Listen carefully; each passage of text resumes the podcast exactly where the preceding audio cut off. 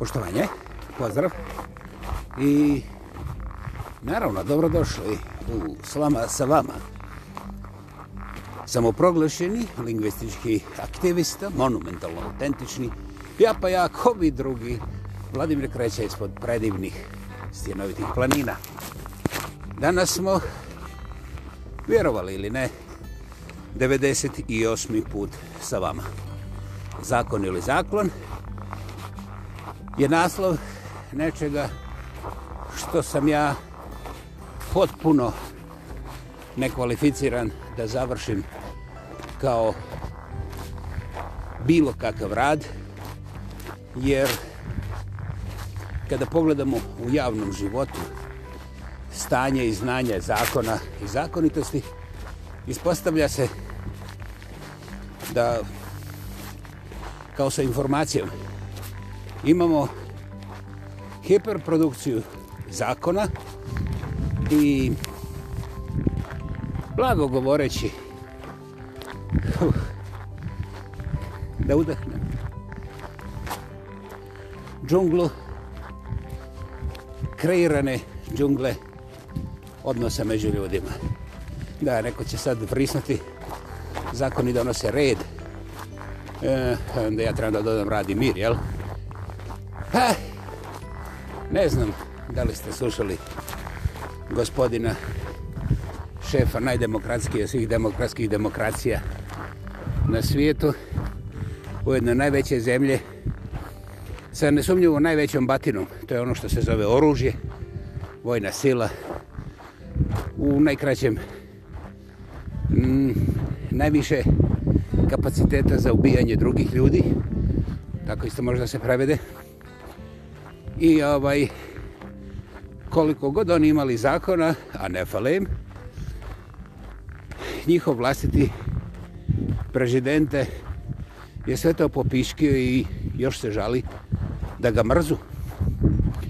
Mislim, ja to ne mogu svrstati u čudo demokracije, jer, znaš, kad neko piški preko mene Ja stvarno nisam zainteresiran da otkrijem da je to onaj crnac sa balkona koji je prvi put došao u kino pa misli da ovi dole u prateru su naš nepostojeći.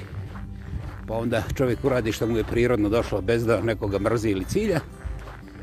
Ili, sa druge strane, znaš, ima i dimenzija koja je jebeška.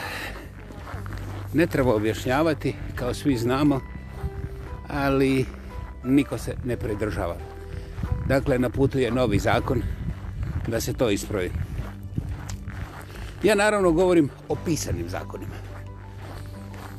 Pisani zakoni su kao našminkane frajle iz provincije. Nikada nisu sigurne da li su pogodile ton, zvon i veličinu, količinu i sve ostale stvari. Ma ni samu boju, ali one znaju da se negdje u velikim varošima to mazdrkanje i šminkanje visoko cijeni i da onda ako pogodiš pravu kombinaciju od koje svima okreće se glava, onda postaneš popularno slavna i za svoju jednu sliku dobiješ diku. Mislim, ono, puno vreće para. I ovaj, ja tim curama mogu samo zavidjeti. Međutim, umeđu vremenu sam naučio da taj način zarađivanja novca je ovaj vrlo ozbiljan posao, bez ikakve šale i cinizma, ali istovremeno da taj slučajni element gotovo ne postoji. Da, da, da, da, slušao sam ja te lijepe priče, recimo, o tim velikim divama. Međutim, ako malo pročečkate ispod tih priča, onda vidite da su to konstrukcije koje služe za proizvodnju novca nakon što su one odapele papke. Ja govorim o zvijezdama 50-ih i 60-ih godina i o mitovima u koje mi bez ikakvih upitnika vjerujemo i danas i mislimo da će po tome principu kao što su oni 50-ih i 60-ih pokazali malo iznad koljena pa se našminkali, zaljubili u nekog predsjednika države da će to tako ići redom. Ja ne znam gdje je Crvenkapica ovih dana. Međutim, Cinderella, Cinderella ja je, okej, okay. E, počeo sam da cindrišem. Ja. Znači, Cinderella je u kinu i u maštama. I lijepo je da postoji u maštama. Međutim, i Cinderella sama je morala dosta toga da povuče možda više nego jedan pošten mago, da bi došla do toga da je, eto, pominju i da ima nekako ime i da se zna da je uspjela, jeli, na kraju svih problema. Vratimo se zakonu, pisanom. Mislim, po mom uvjerenju da ne postoji čak ni pijen miškec koji vjeruje da su zakoni rješenje, pogotovo ne trajno rješenje. Istovremeno, priznali mi ili ne priznali, zakoni su kao droga u početku bili za jebancija ili kao hajmo pokušati, hajmo probati, a onda su postali, da, doslovce su postali adikcija, ovisnost svih vladajućih garnitura, pa onda kasnije se to spustilo i u najobičnije male radionice gdje, na primjer, ako hoćeš da radiš u obućarskoj nekoj maloj radionici moraš da potpišeš masu tih takozvanih vejvera. Znači, sopinski zakon, gdje ti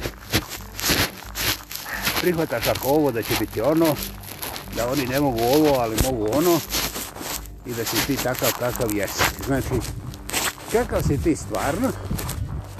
Drugim riječima, zakon ne zna. Zakon kaže, hej, može biti najljepši, najpametniji, je, je, tvoje diplome nisu falsificirane, ali prije nego što uđeš ovdje da, recimo, štancaš džonove, ti moraš da prihvatiš ovaj set naših zakona, koji su u skladu sa jeli, zakonima zanata, zakonima države, zakonima naše partije i koja se zna u kajim drugim zakonima. Znači sve u redu, sve je zakonski, dakle to se zove legalno i onda ti možeš biti naš zaposlenik možeš i da kradeš. Ovaj, ali to ne piše u zakonu. Međutim, možeš da kradeš. Važno je da znaš lagati i da te ne uhvate. Koliko je zakon tu učinio koristi? Ne znam. Ne znam. Precizni neću da znam. Uđeš u bolnicu. Ovaj treba da ti šikne injekciju kontra nekakve diagnosticirane, u toj bolnici diagnosticirane alergije. I sad dođe liječnik ispred evo onako iz čista mira i kaže, znate, vaša alergija je ABC, ta alergija ima bla bla bla. Ja kažem čovječe, znaš šta, jel vi mene možete tretirati nekako da ta alergija mene manje davi u život, a ja ni jednom, u nijednom momentu nisam pomislio da ću ja biti liječnik specijalist, alergolog ili kako vi to zovete, dermatolog, ginekolog. Kaže, ne, ne, ne, ne, ginekolog je neki sljedeća vrata. Pa hvala, ja sam došao kod vas, nemam ginekološki problem, imam alergiju. Kaže, dobro, ali znate, mi imamo sada potpuno novi tretman, ovaj lijek, znaš, lijevo desno, i onda opet farmakološka industrija presi. Hvala čovječ, ja sam glup kod Daj mi tu injekciju da idem kući. Kaže, da, da, ali znate, pravilo ono, preporuka ona, mogućnosti kontraindikacije, ali opet šok, šok. I kaže, znate šta, šta ja trebam da učinim prije nego što umrem da bi ja dobio nekakav lijek? A, kaže, to. E, i onda on meni stavi 3-4 papira ispred mene. Treba mi dva dana da pročitam, prije svega slova su manja od ovih koronavirusa, teljke Treba elektronski ovaj, mikroskop da ja te slova vidim. I on meni kaže, nema više četiri lista. I doda pet. Kaže, ovdje inicijali, ovdje pun potpis, ovdje datum. Ljudi, ja, šta je to potpisio? Kaže, pa jeste rekli da hoćete primiti ovaj lijek? Aha. I ovaj, ja vidim čovjek se već uvrijedio.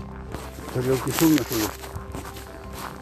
Pa ne znam, ja trebam ovdje da potpisim na četiri, pet mjesta, da dam inicijale na još pet mjesta mislim, sad sam ja paranoičan, a vi ste mi donijeli taj list. Mislim, šta ja potpisujem?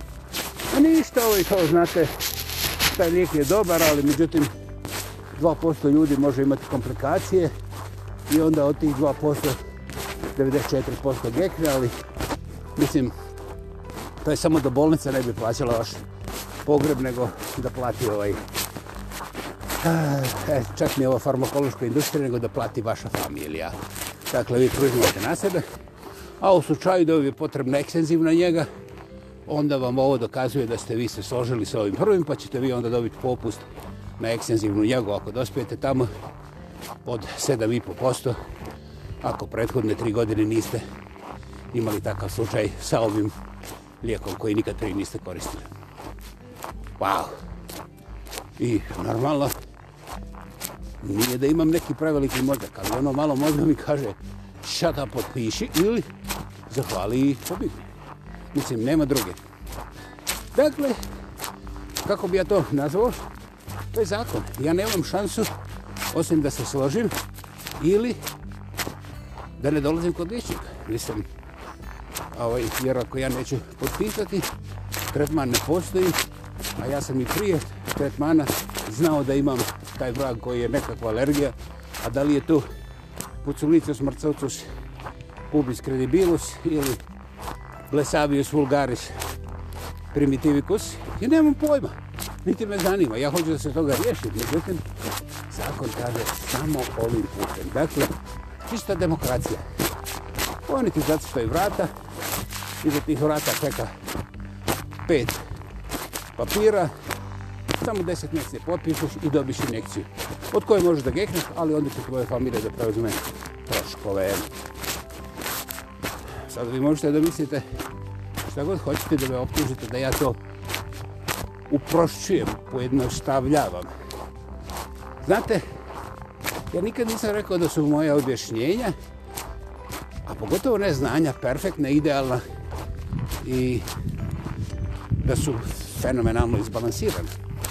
Ja cijelog života nastojim da postignem onako aproksimativno što veću blizinu tim zadatim razinama. Međutim, neće se nikad desiti informacija za vas, neće se nikad od vas desiti.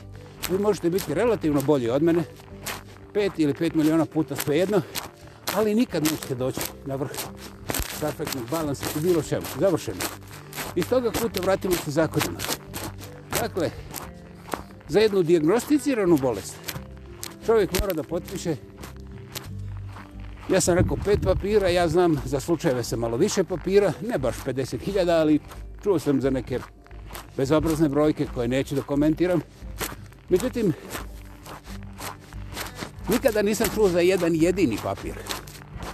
Dva, tri papira, čim odeš negdje u bolnicu i treba nešto da ti se osjecne ili da te, da te s nekim napune tamo, odmah se pojavljaju najmanje dva, tri papira i oni jednostavno ne priznaju ništa osim svetog trojstva. Minimalno tri potpisa, tri elementa potpisa ili bilo šta.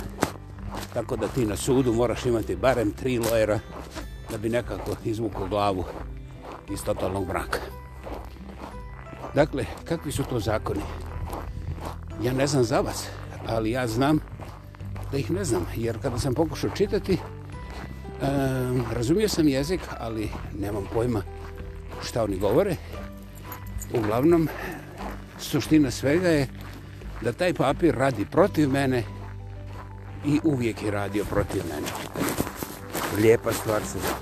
Dakle,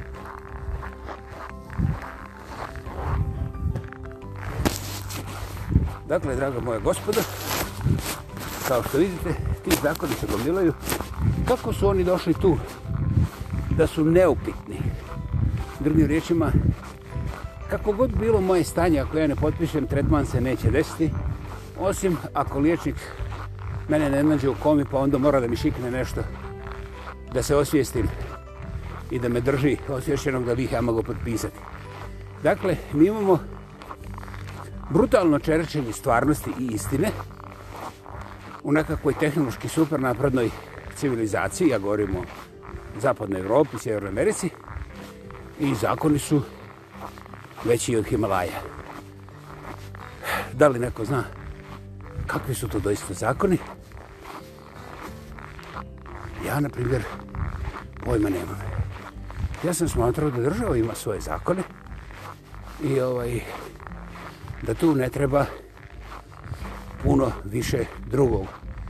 Međutim, ljudi moji, promašio sam rekao sam, male, male radionice imaju svoje zakone. Velike radionice imaju još veće zakone. A, promet gomila zakona i pravila. Osiguranja imaju pravila koja maltene poništavaju državu.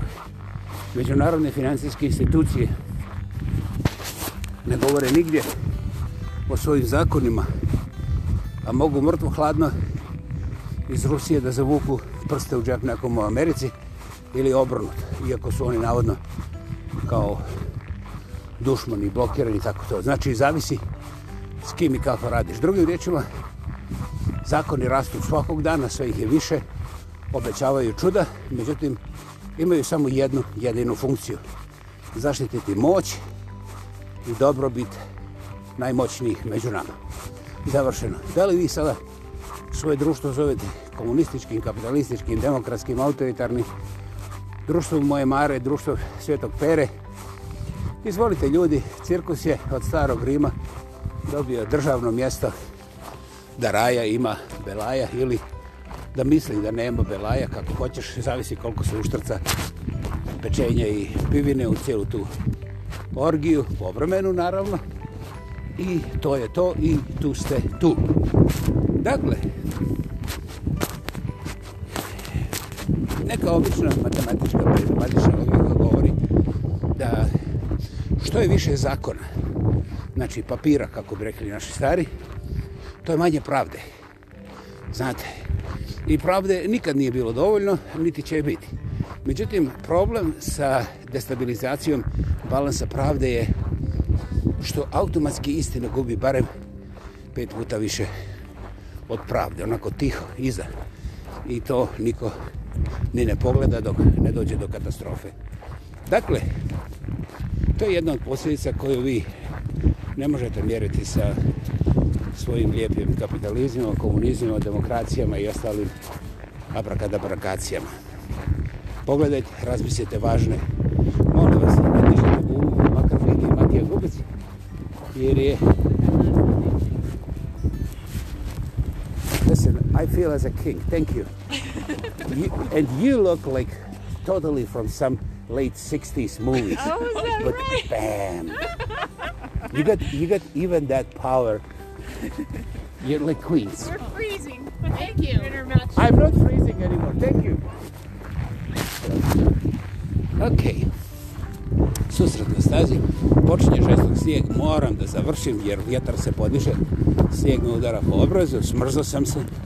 Ali, dragi moji ljudi, o toj logičkoj transverzali, ja samo da ponovim, što je više zakona, to je manje pravde. Kad je manje pravde, zaboravite gotovo na sve oblike istine i onda nemojte da budete perverzni da me pitate o moralu, bilo kakvom, bilo čije.